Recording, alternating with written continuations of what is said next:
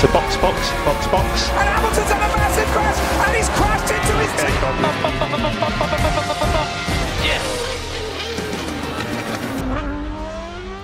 Herkese merhaba. Podstop Podcast'in yeni bölümünde 5 kırmızı 1 yeşilde Deniz ve ben Burak sizlerle beraberiz. Deniz selam abi, ne haber nasılsın? Selam, teşekkür ederim. Sen nasılsın? Aa, ben de iyi olmaya çalışıyorum. Katalonya'da beklenildiği gibi bir yarışı geride bıraktıktan sonra bir Formula 1 sever ne kadar iyi olursa o kadar iyiyim desem yeridir yani. Maalesef, maalesef. Barcelona'da kış testlerini çok seviyoruz, çok bekliyoruz. Bize o yüzden hoş geliyor ama maalesef takvimdeki Barcelona'yı çok sevemiyoruz. Aslında çok teknik bir pist. Pilotların özellikle kış testlerinde kullanmasının en önemli sebebi uzun düzlüklerin olması, yavaş virajların olması, her sektörün farklı farklı dinamiğinin olması sebebiyle pilotlara farklı zorluklar yaratması oluyor. A- Ama yarış esnasında geçişe imkan vermemesi e, birçok Formula 1 sever tarafından da çok keyif alınmayan bir hal durumuna sokabiliyor bu pisti. E, Biz yine her zaman olduğu gibi sıralama turlarıyla başlayalım istersen beklenenin dışında birkaç tane olayla karşı karşıya kaldık sıralama turlarında. Q1'de 5 pilot elendi. Çoğu sürpriz olmayan pilotlardı aslında. Russell harici Magnussen, Grosjean, Russell, Latifi ve Giovinazzi elendi. Giovinazzi en son sırada yer aldı. Latifi onu geçmişti. Ama son 4 yarış sonrasında George Russell'ı Q1'de elenirken gördük. Evet, yani e, sen de söyledin çok teknik pist olduğu için burada e, teknik pilotlar bir tık daha öne çıkıyorlar. E, bu sefer de de aslında Raikkonen'le Russell yer değiştirmiş oldular. Bu da Raikkonen'in teknik anlamda bence bir tık başarılı olmasından dolayı olduğunu düşünüyorum ben. Onun haricinde Q1'de zaten diğer pilotlara alıştırılmış şekilde e, son sıralarda gördük. Sürpriz içinde sürpriz olan bir konu vardı. Antrenman seanslarında e, Grosjean yani Haaslar çok iyi derece kaydetmişlerdi FP2'de ve Grosjean 5. sırayı almıştı. Herkes bu duruma şaşırmıştı. E, sonrasında sıralama turlarında acaba bir sürpriz performans gelir mi diye beklerken iki Haas'ın da 16. ve 17. sırada eğlendiğini gördük. Dedik ki tamam Haas'ta işler normale dönmüş. Herhangi bir sıkıntı yok dedik. Ve onların da eğlendiğini, Q1'de eğlendiğini gördükten sonra rahat bir şekilde Q2'ye doğru geçmeye başladık. Ya evet, tek tur zamanları bazen pilotları çok farklı yerlere koyabiliyor bu sıralamalarda. Ama tabii antrenmanla tamamen farklı oluyor aslında sıralama turları. Keza yarış da çok farklı oluyor. Bazı antrenman turlarında çok yukarıda olan pilotlar dediğim gibi yarışta ve sıralamada çok geri kalabiliyorlar. Bu da bir örneğiydi bizim için. E, Haas'la ilgili bugün yani daha doğrusu yarış günü dikkat edilmesi gereken tek şey aslında geçen hafta Magnussen'in lastik setinin kalmasından dolayı yarış dışı kaldıktan sonra ben özellikle bakmıştım bu sıralama turlarından sonra kalan lastiklerine. Acaba öyle bomba olur mu diye bekliyordum. E, bir gözüm onların lastiklerindeydi yani. Beni bu yarışa Haas tarafına çeken tek şey o oldu aslında. Yarıştan sonra şöyle bir bilgi dikkatimi çekti. Yarıştaki en hızlı tur atan pilotlara baktığımızda zaten Bottas en hızlı tur puanını da alarak birinci sıradaydı. Ondan sonra Verstappen geliyordu ikinci sırada. E, ve üçüncü sırada Grosjean vardı. Yumuşak lastiklerle üçüncü en hızlı turu atmıştı pistte. Bu da dikkat çekici noktalardan bir tanesiydi. Fakat sıralama turlarına bu performans yansıtamadılar. Yarış tempolarında iyi dereceler aldığı zamanlar vardı ama yani sıralamalarda bunu göremediğimiz için Q1'de elendiler. Diyerek Q2'ye geçelim istersen. Q2 yine orta sıranın birbirine yakın çekişmelerine sahne oldu. E, ve Q2'de de e, Sebastian Vettel, Kvyat, Ricciardo, Raikkonen ve Ocon elendi. Raikkonen bu sene ilk defa Q2'ye kalmış oldu. E, o bence dikkat çekici noktalardan bir tanesiydi ve hatta iki Renault'un arasında kendine yer buldu. Bu anlamda da aracın e, Alfa Romeo'nun aslında elimizdekinin her sezon, her yarış maksimumunu kullanıyoruz. Ekstra farklı bir modumuz yok diyen Raikkonen. Teknik pistlerde senin de söylediğin gibi kendi yeteneğini kullanarak ne noktalara gelebileceğini burada bize göstermiş oldu Renault'ların arasına girerek. E, Kesinlikle öyle ama burada tabii biz e, yarış haftası öncesinde daha doğrusu e, antrenman turlarında konuşurken hep Renault'un iki pilotundan birini ben Q3'e atabilir diye düşünüyordum Renault için. Özetle burada Ricciardo'nun Q3'e kalabilmesini beklerdim. Çünkü o da teknik bir pilot sayılır. Şu an yanında bulunduğu pilotlara nazaran. E, ama olmadı tabii orası kurtlar sofrası. Artık e, ciddi hızlı araçlar var çünkü orada. Hiç izlemeyen birisi açıp e, baksa bu yarış için mesela aa Vettel'in orada ne işi var diye düşünüyor. Yani biz alıştık tabii aslında Q2'sine Vettel'in. Aslında Vettel'in değil e, Ferrari'nin diyelim aslında burada. E, onun haricinde de bir sürpriz yoktu. Ama ben mesela Ferrari tarafında e, Vettel'in de teknik bir pilot olmasından dolayı kendini o da Q3'e atar diye bekliyordum. E, ama olmadı. E, alıştık diyelim. Aslında Vettel çok kısa bir farkla eee, kaçırdı. Yanlış hatırlamıyorsam 10. ile arasında saniyenin yani yüzdelerle ayrılan bir fark vardı. Başaramadı. Eee senin de söylediğin gibi aslında Renault burada dikkat çeken noktaydı. Çünkü onlar da antrenman turlarında Ricardo ilk 5'te yer almıştı bir antrenman seansında. Eee, bu anlamda onların da bunu sıralama turlarındaki performansını etki edecek bir noktaya getirebileceklerini düşünüyordum. Eee, ama bir türlü iyi tur atmadılar. Sebastian Vettel ise eee, her zaman olduğu gibi yine 10.lukla 11.lik arasındaki eee, limitte aracını kullandı. Ben bu anlamda bakıldığı zaman Vettel'in eee 10.luktansa 11. olarak Q2'de elenmesini daha sağlıklı buluyorum. En azından eee, lastik stratejisi açısından yarışa istediği lastik setiyle başlama açısından kendine bir avantaj yaratabiliyor. Her ne kadar yarış temposu istenilen seviyede olmasa da eee, onu özellikle bu yarışta İspanya'da olduğu gibi stratejik hamleler yapma konusunda eee, eline bir koz veriyor. Ama çoğu zaman da bu kozu Ferrari pit duvarı ve Ferrari stratejistleri eee, çöpe atmayı başarıyorlar.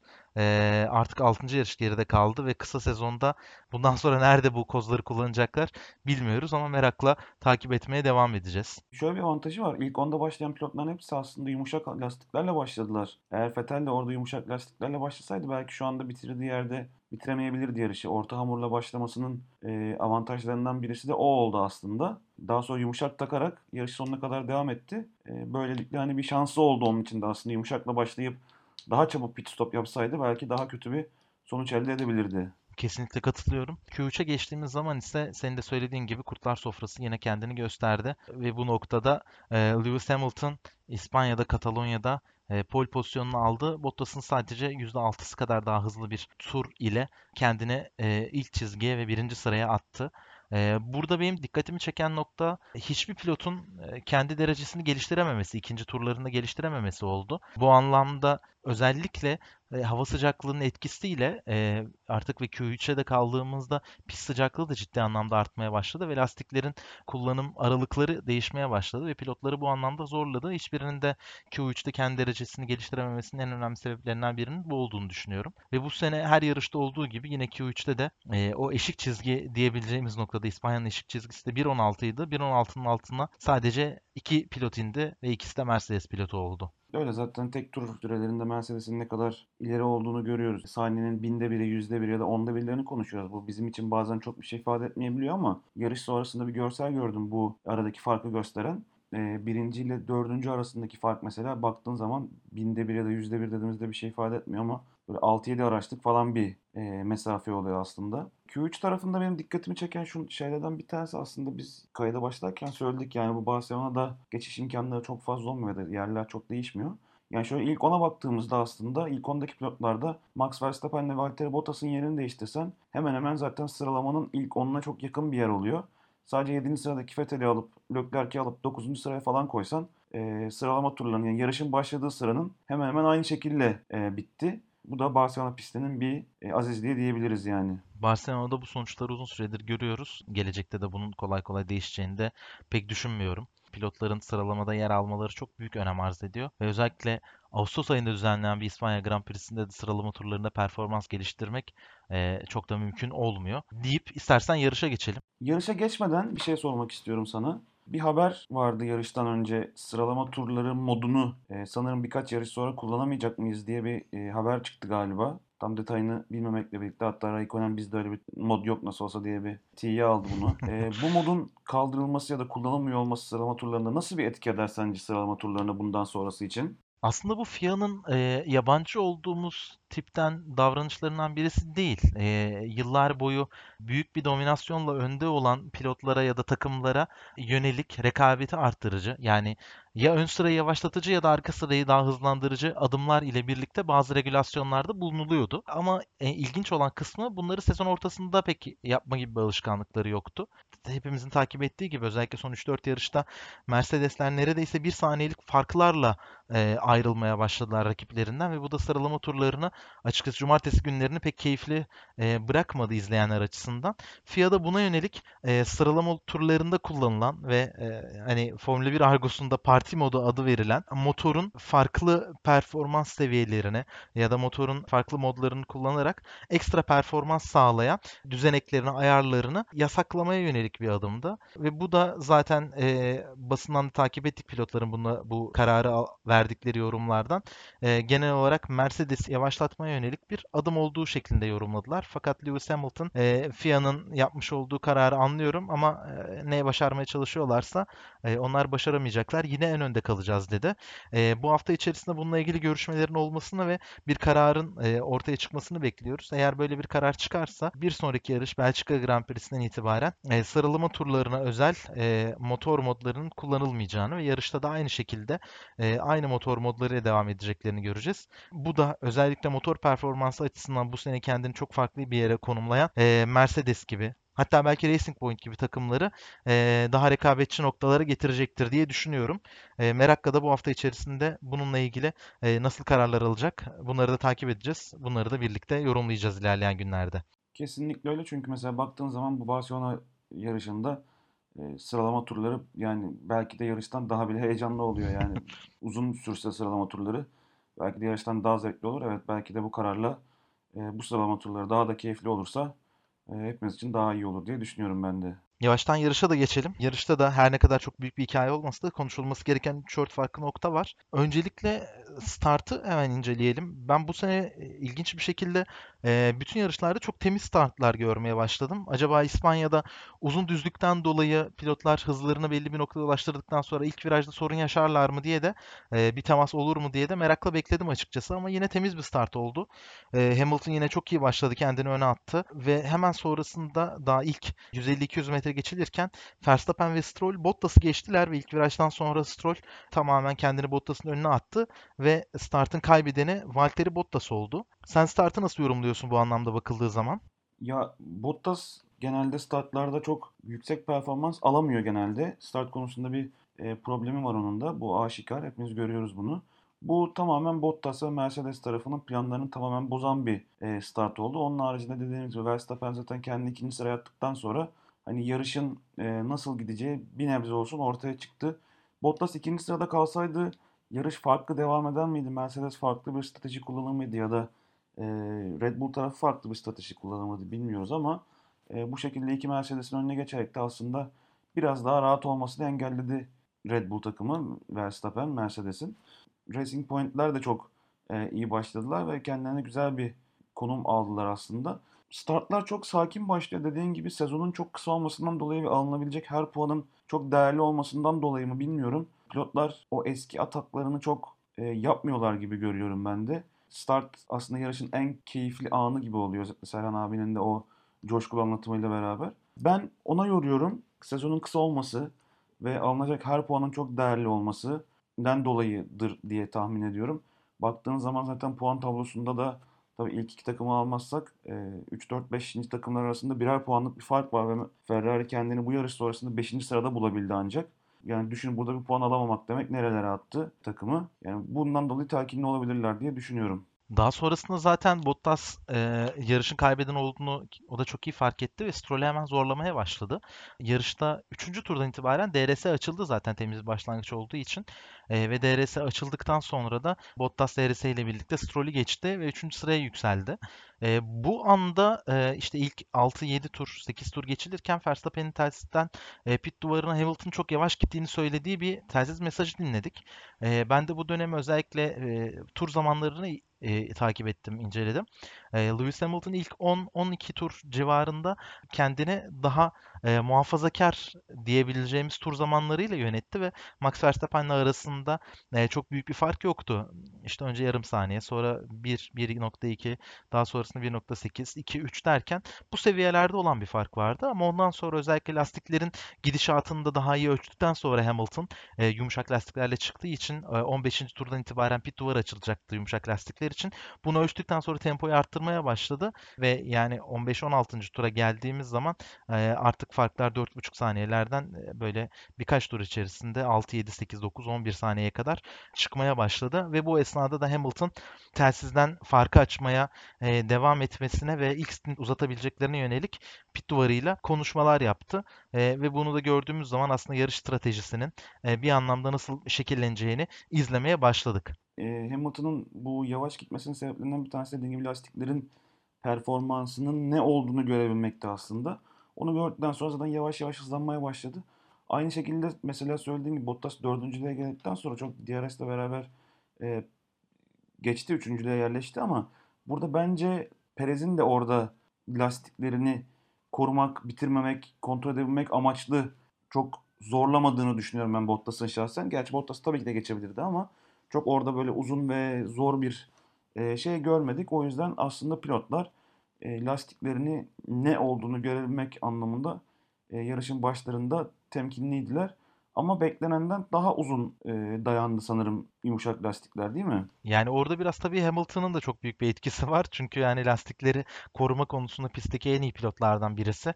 E, o da zaten ilk stinti uzatmak için elinden geleni yaptı ve tempoyu da bulduktan sonra e, tempo altında lastikleri korumada biraz daha iyi bir noktadaydı Hamilton her zaman. Sadece Silverstone'daki son iki yarış birazcık onlara lastik açısından Mercedes'i ters köşeye yatırdı ama e, bugün bildiğimiz, alıştığımız Hamilton'ı tekrardan izlemeye başladık ve ön sıradan da bu esnada ilk pite gelen Verstappen oldu. E, zaten pite gelmeden bir tur öncesinde lastiklerin tamamen bit, bittiğini söylemişti bit duvarını. Onlar da Verstappen'i pite aldılar.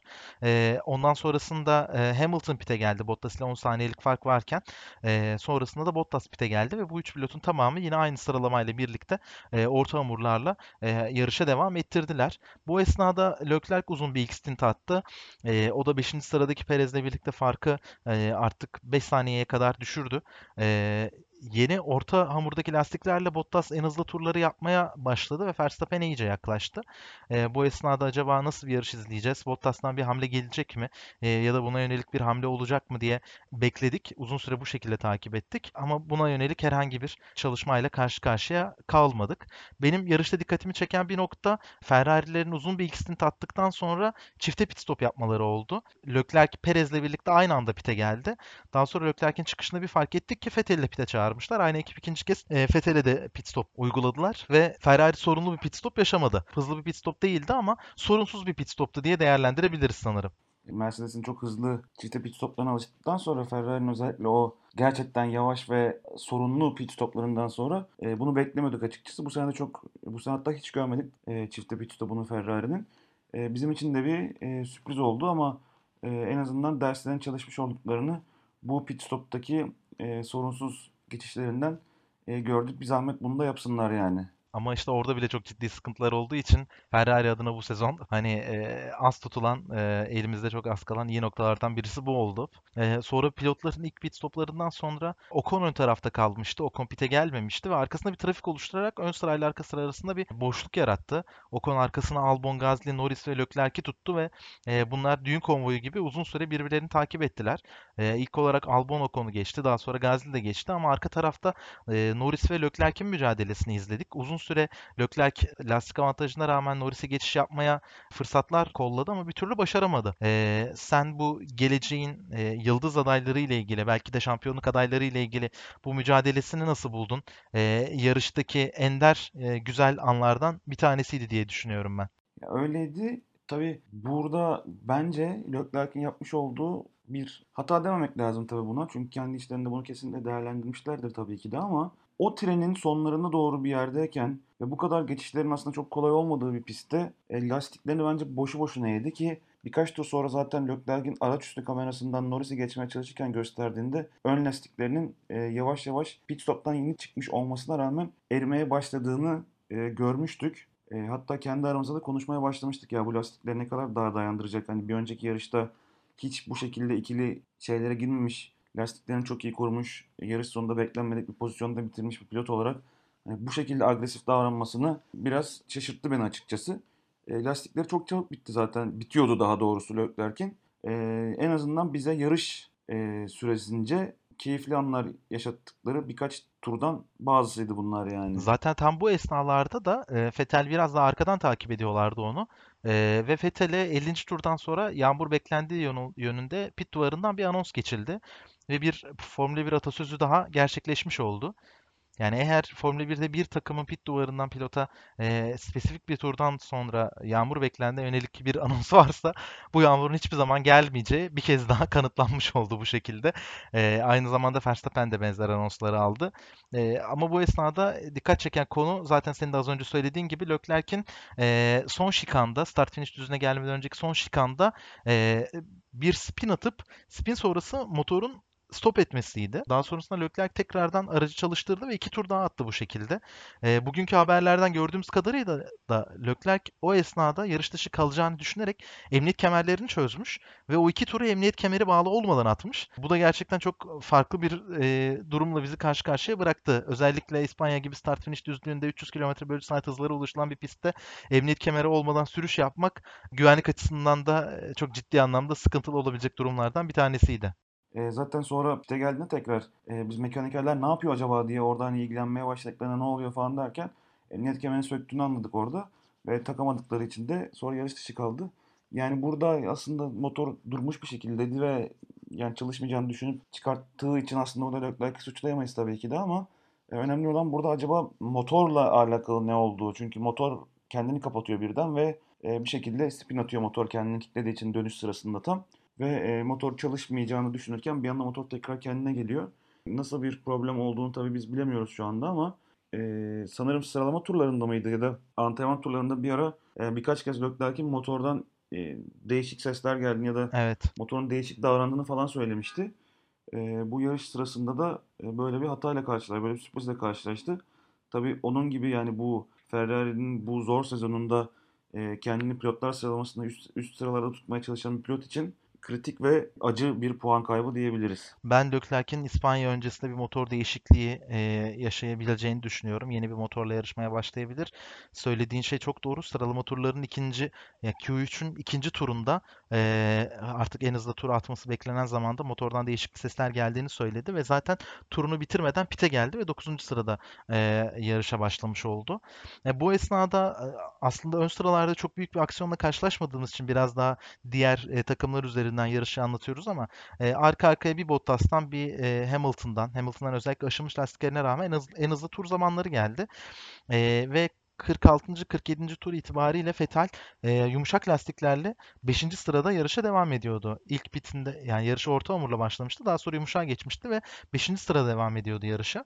E, sonrasında burada e, Vettel'e pit duvarından e, bu lastiklerle yarışı bitirmesi hakkında fikri sorulduğunda e, Vettel e, birazcık sinkaflı bir cevap ile birlikte ya bunu daha önce size sormuştum zaten şimdi mi bunu konuşuyoruz dercesinde bir cevap verdi.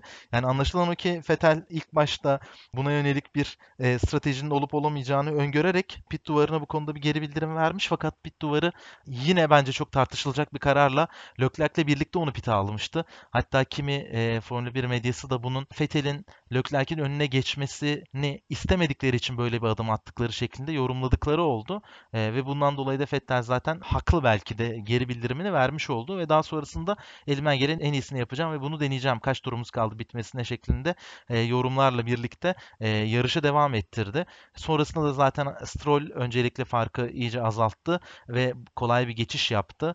Sonrasında da zaten e, Sainz da Vettel'i geçti. O da 6. sıraya geldi. E, arka taraftaki trafikten kopanlar yavaş yavaş e, gelerek lastik avantajlarıyla birlikte Vettel'i geçmeye başladılar. Bu esnada Daniel Kvyat da 5 saniyelik bir e, zaman cezası almış oldu. Vettel'in bu stratejisini nasıl yorumluyorsun? Sence orta lastiklerle yumuşak lastiklere göre çok daha az tur atan bir Vettel vardı. Orta hamurdaki stinti daha uzatıp sonrasında yumuşak lastiğe geçmiş olsalar sence Vettel'i daha üst sıralarda görebilir miydik? Ya kesinlikle görebilirdik bence çünkü e, burada özellikle yarışın başında yumuşak lastiklerin beklenen 15 turdan çok daha fazla gittiğini gördüklerinde e, bunu direkt e, düşünüp orta hamuru biraz daha uzatıp bu stratejiyi pilotla da paylaşıp gerçekten yumuşağa takıp ona göre de birkaç tur attırıp ona göre daha ikinci stentin başını daha yavaş daha sakin attırıp yarış sonuna kadar arkadaki pilotlara geçilmeden gönderebilirlerdi belki Vettel'i. Ama dediğin gibi Leclerc'le yani yumuşak lastikle başlayan bir diğer pilotlarla aynı zamanda pite aldılar. Ki e, beni de şaşırttı çünkü diğer pilotlar e, yumuşakları neredeyse ortalardan daha fazla kullandılar. Tabi burada Vettel'in tepkisi tamamen haklı bir tepki. Bunu daha önce söylemiş e, pit duvarına. Ama tabii o saatten sonra kendisine söylediği gibi kaybedecekleri bir şey yoktu. Çünkü zaten o anda pite girip lastik değiştirseler kendilerini 12. ve 13. sırada o civarda bir yerde ve bir trafiğin içinde bulacaklardı. O saatten sonra zaten Vettel'in tekrar puan barajının içine girmesi çok zordu. Girse bile belki sadece 10. sırada olabilecekti. Yarışın sonlarına doğru ön sıralarda bazı aksiyonlar izlemeye başladık. Hamilton her zaman olduğu gibi o alışıldığımız hani o perfection seviyesine tekrardan ulaşmaya başladı ve inanılmaz bir sürüş gerçekleştirdi.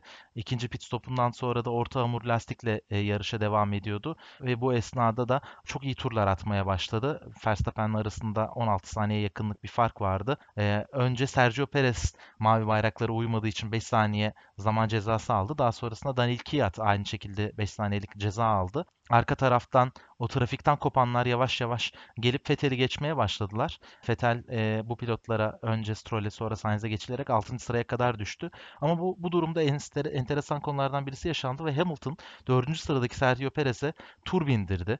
Yani e, takım arkadaşı ve Verstappen haricinde pistteki bütün pilotlara tur bindirerek inanılmaz bir performans sergiledi. Son turlarda Bottas pite gelmeden önce e, orta hamurlarla en hızlı tur zamanını almıştı. Sonra yumuşak lastiklerle bu tur zamanını e, geliştirdi. E, Hamilton'ın Grand Slam yapmasının önünü kesti. Fakat Hamilton buna rağmen müthiş bir performansla İspanya'yı kazandı. Gerçekten tebrik etmek lazım. Yani böyle zor bir pist dememize rağmen arkada oluşan bazı trenlerden dolayı arkadaki pilotlar çok yavaşlıyorlardı. Öne açık olan pilotlar her zaman daha hızlı gidiyorlardı ama burada ciddi bir pilotaj kuvvetini de gösterdi yani sonuçta burada Mercedes diyoruz. Mercedes'in aracının çok iyi olduğundan bahsediyoruz ama Baktığımız zaman da ikinci sırada Verstappen var ve Bottas'ın ona yaklaşması çok zor oluyor. Bir kere de tebrik etmek lazım Hamilton'a. Hem bu üstün sürüş başarısından dolayı hem de bu sanırım 156. podyum oldu ve Schumacher'i egale etti. Bir kere daha sesimizi duymasa bile kendini buradan tebrik ediyoruz. Hamilton zaten yarış bittiğinde e, kendi yarış mühendisi Bono'ya bu son tur muydu yarış bitti mi dedi. Onlar da evet kazandın, tebrikler, mükemmeldin, harika bir sürüş dedi. Yani o dedi ki o kadar odaklanmış bir durumdaydım ki farklı bir seviyedeydim. Yarışın bittiğini dahi anlamadım dedi. Yani bıraksak bir 5-6 tur daha bu şekilde gidip daha yarışın bitip bitmediğine yönelik herhangi bir soru işareti olmadan devam edebilecek kadar e, yarışa odaklanmış durumdaydı. Ve bunun sonunda Hamilton e, İspanya'daki Katalonya'daki düzenlenen İspanya Grand Prix'sini kazandı.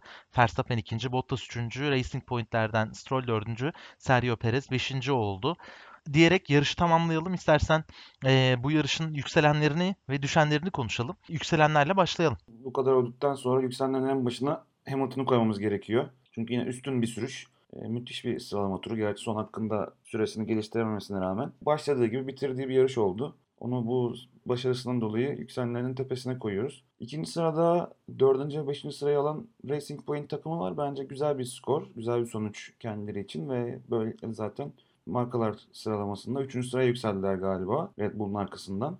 E, o yüzden kendilerini tebrik etmek lazım bu başarılarından dolayı.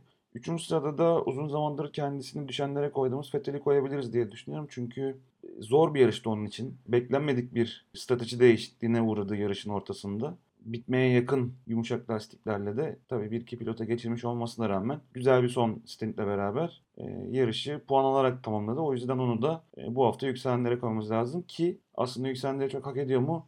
Emin değiliz. Ama bu kadar sıkıcı bir yarışta düşündüğümüz zaman yükselenlere başka kimi koyabiliriz diye aklımıza gelmiyor açıkçası. Bir de orada ekleme yapmak istiyorum. Sebastian Vettel de aynı zamanda Driver of the Day oldu. Yani e, yarışın pilotu seçildi Formula 1 taraftarları tarafından. Bu da enteresan bir konuydu. Kendisine söylendiği zaman aha öyle mi gerçekten falan diye o da şaşırdı.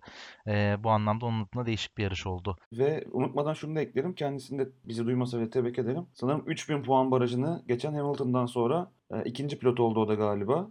Puanlar değiştikten sonra tabii farklı bir sistem oldu ama konuda da bir tebrik de kendisine gönderelim buradan. Düşenlerle devam edelim. Düşenlerin ilk sırasında bence Renault var. Çünkü genelde hafta sonu boyunca zaten iyi bir performans sergilemediler. Ve bu sezonun en kötü sıralama turları performansını aldılar 13. ve 13 15. sıraya yer alarak Ricciardo ve Ocon. Bence stratejik olarak da bir hata yaptılar. Çünkü ikisi de tek bir stop stratejisi uyguladılar. Ee, ama İspanya gibi geçişin zor olduğu pistlerde tek pit stopu doğru zamanda, doğru şekilde, doğru trafiğin arasında kullanmadığınız zaman yeterince iyi bir sonuç alamıyorsunuz. Burada Fethel'in örneği buna e, bence net bir şey olabilir. Daha iyi bir noktada girmiş olsaydı daha önde olabilirdi. Onlar da yine orta sıradaki trafiğe yakalandılar. Ricardo 11. Esteban Ocon 13. bitirdi. Puan barajın dışında kaldılar ve bu anlamda Renault için kayıp olan bir hafta sonu olduğunu e, söyleyebiliriz burada. Düşenlerdeki bir diğer isim e, Ferrari'nin Monakolu pilotu Charles Leclerc oldu. Leclerc bu sene Styrian Grand Prix'den sonra ikinci kez yarış dışı kaldı ve bu yarış dışı e, kaldığı yarışların haricinde iki defa podyumu vardı ve iki tane de dördüncülüğü vardı. Aslında iyi bir performans sergileyerek buraya kadar gelmişti. E, Ferrari'nin e, bu kadar kötü olan, e, kötü geçirdiği sezondaki parlayan tek isim olmuştu. Kendi sebebiyle olmasa dahi e, motorunun ve aracının yaşadığı sorunlardan dolayı yarış dışı kaldı ve bu da Ferrari'nin bu sezonki ilk e, mekanik aksam sorunundan dolayı e, yarış dışı kalması oldu. E, Leclerc'in düşüşte olmasının önemli sebebi kısa sezon ve rakiplerin birbirlerini çok yakın takip etmesinden dolayı klasmanda arkasında olan Stroll ile arasındaki puan farkı birden 5 puana inmiş oldu. Ve bu da onun e, çok daha dikkatli bir şekilde bundan sonraki yarışlara e, odaklanması gerektiğini bir kez daha hatırlattı. E, son düşenlere de ben Katalunya'yı eklemek istiyorum. İspanya Grand Prix'si gerçekten e, yayının başında konuştuk. Testlerde, kış testlerini çok merakla bekliyoruz ne olacak. İnanılmaz datalar sağlıyor. Takımların e, sezon tahminlerinde bizim de yaptığımız programlarda en çok veri topladığımız ve yorum yaptığımız konulardan birisiydi buradaki testler. Fakat e, Ağustos sıcağında İspanya'da yarış yapma fikri e, normalde de sıkıcı geçen yarışları e, birkaç kat daha üstüne katlamış oldu. Gerçekten çok sıkıcı bir hafta sonuyla bizi iki hafta sonra düzenlenecek Belçika Grand Prix'sine e, özlemle beklemeye sevk etti. E, umarız bundan sonraki yıllarda e, daha rekabetçi, daha güzel yarışlar izleriz diye düşünüyorum. İspanya'da, Katalonya'da. E, yayını bitirmeden önce istersen geçtiğimiz hafta bir kere daha gündeme gelen bir konuyu da çok hızlıca konuşalım. Bununla birlikte kapatalım. Sky İtalya'nın vermiş olduğu bir habere göre e, Formula 1'de 2020 yılının Avrupa kıtasındaki kalan iki yarışının e, İspanya'daki Jerez ve Türkiye'deki İstanbul Park olacağı açıklandı ve hatta İstanbul Park'ta düzenlenecek Türkiye Grand Prix'sinde 15 Kasım'da gerçekleşeceğini söyledi. Ee, yaklaşık bir aydır bu konu üzerinde çok ciddi anlamda dedikodular oluşmaya başlamıştı. Biz de Twitter hesabımızdan yarışın Cumhurbaşkanlığı'nın, Türkiye Cumhuriyeti Cumhurbaşkanı'nın himayelerinde desteklendiğini ve buna yönelik girişimlerin olduğuna yönelik bir haber paylaşmıştık. Sonrasında da yine Twitter'da bu haberler üst üste çıkmaya başladı. Ee, ciddi anlamda gündem oldu. Haber bültenlerine konu oldu ve bunun sonrasında Intersite pistin sahibi olan firma konuyla ilgili bir yazılı açıklamada bulundu ve e, taraflar arasındaki görüşmelerin gizliliğinden dolayı şu an için ekstra bir açıklama olmadığını ama projenin Cumhurbaşkanlığı himayelerinde e, Türkiye'ye getirilmesi için görüşülmeye devam ettiğini söylediler ve bunun sonrasında Sky Italia'nın bu haberi çıkınca da e, insanlarda, Formula 1 severlerde, özellikle Türkiye'deki Formula 1 severlerde gerçekten acaba bu yıl bir yıllığına da olsa tekrardan geri dönecek mi diye bir heyecan oluşmaya başladı. Genel olarak haberleri son bir ayı e, birkaç cümleyle yorumlamaya çalıştım ama e, İstanbul Park için, Türkiye Grand Prix'si için 2020 yılında düzenlenme ihtimalleri için senin yorumları neler genel olarak? Biz tabii kendi içimizde bunu konuşurken her zaman dedikodu olarak düşünüyorduk bunu gerçi ama yurt dışından böyle bir haberin geliyor olması bizi hayli heyecanlandırdı. Ve bence bizi hayli heyecanlandırdığı kadar pilotları ve takımları da heyecanlandırdığını düşünüyorum. Çünkü gerçekten çok keyifli ve eğlenceli bir pist. Tabii bu sene pistin takvime giriyor olması bundan sonraki senelerde tekrar takvimde olacağı anlamına gelmiyor. Belki bir senelik bir yarış olacak, belki bir sefere mahsus bir yarış olacak. Ama en azından bizim o beklediğimiz özleme gidermiş olacak bir nebze de olsa. Bizim için çok iyi olacak ve Kasım ayının ortasında olması, yağmur ihtimalinin, bozuk hava ihtimalinin e, oluyor olması bizi bir nebze daha heyecanlandırıyor. E, merakla bekliyoruz tabii. Intersite'nin dediği gibi taraflar arasındaki gizlilik sözleşmelerinden dolayı bunu açıklamak çok kolay değil. Şu anda kesinleşmeden tabii ki de ama e, spekülasyonlar artmaya başladı yavaş yavaş. Biz de bu çıkacak haberi dört gözle bekliyoruz. Senin söylediğin gibi e, takımları da bu anlamda çok ciddi şekilde heyecanlandırdı. Hatta yarıştan önce yapılan röportajlarda Sky Italia konuyla ilgili birkaç kişiye soru sordu. E, Haas pilotu Roman Grosjean yarışın muhteşem olacağını, 8. virajın pilotların boyunları açısından çok zorlayıcı olduğunu hatırladığı şekilde yorum yaptı.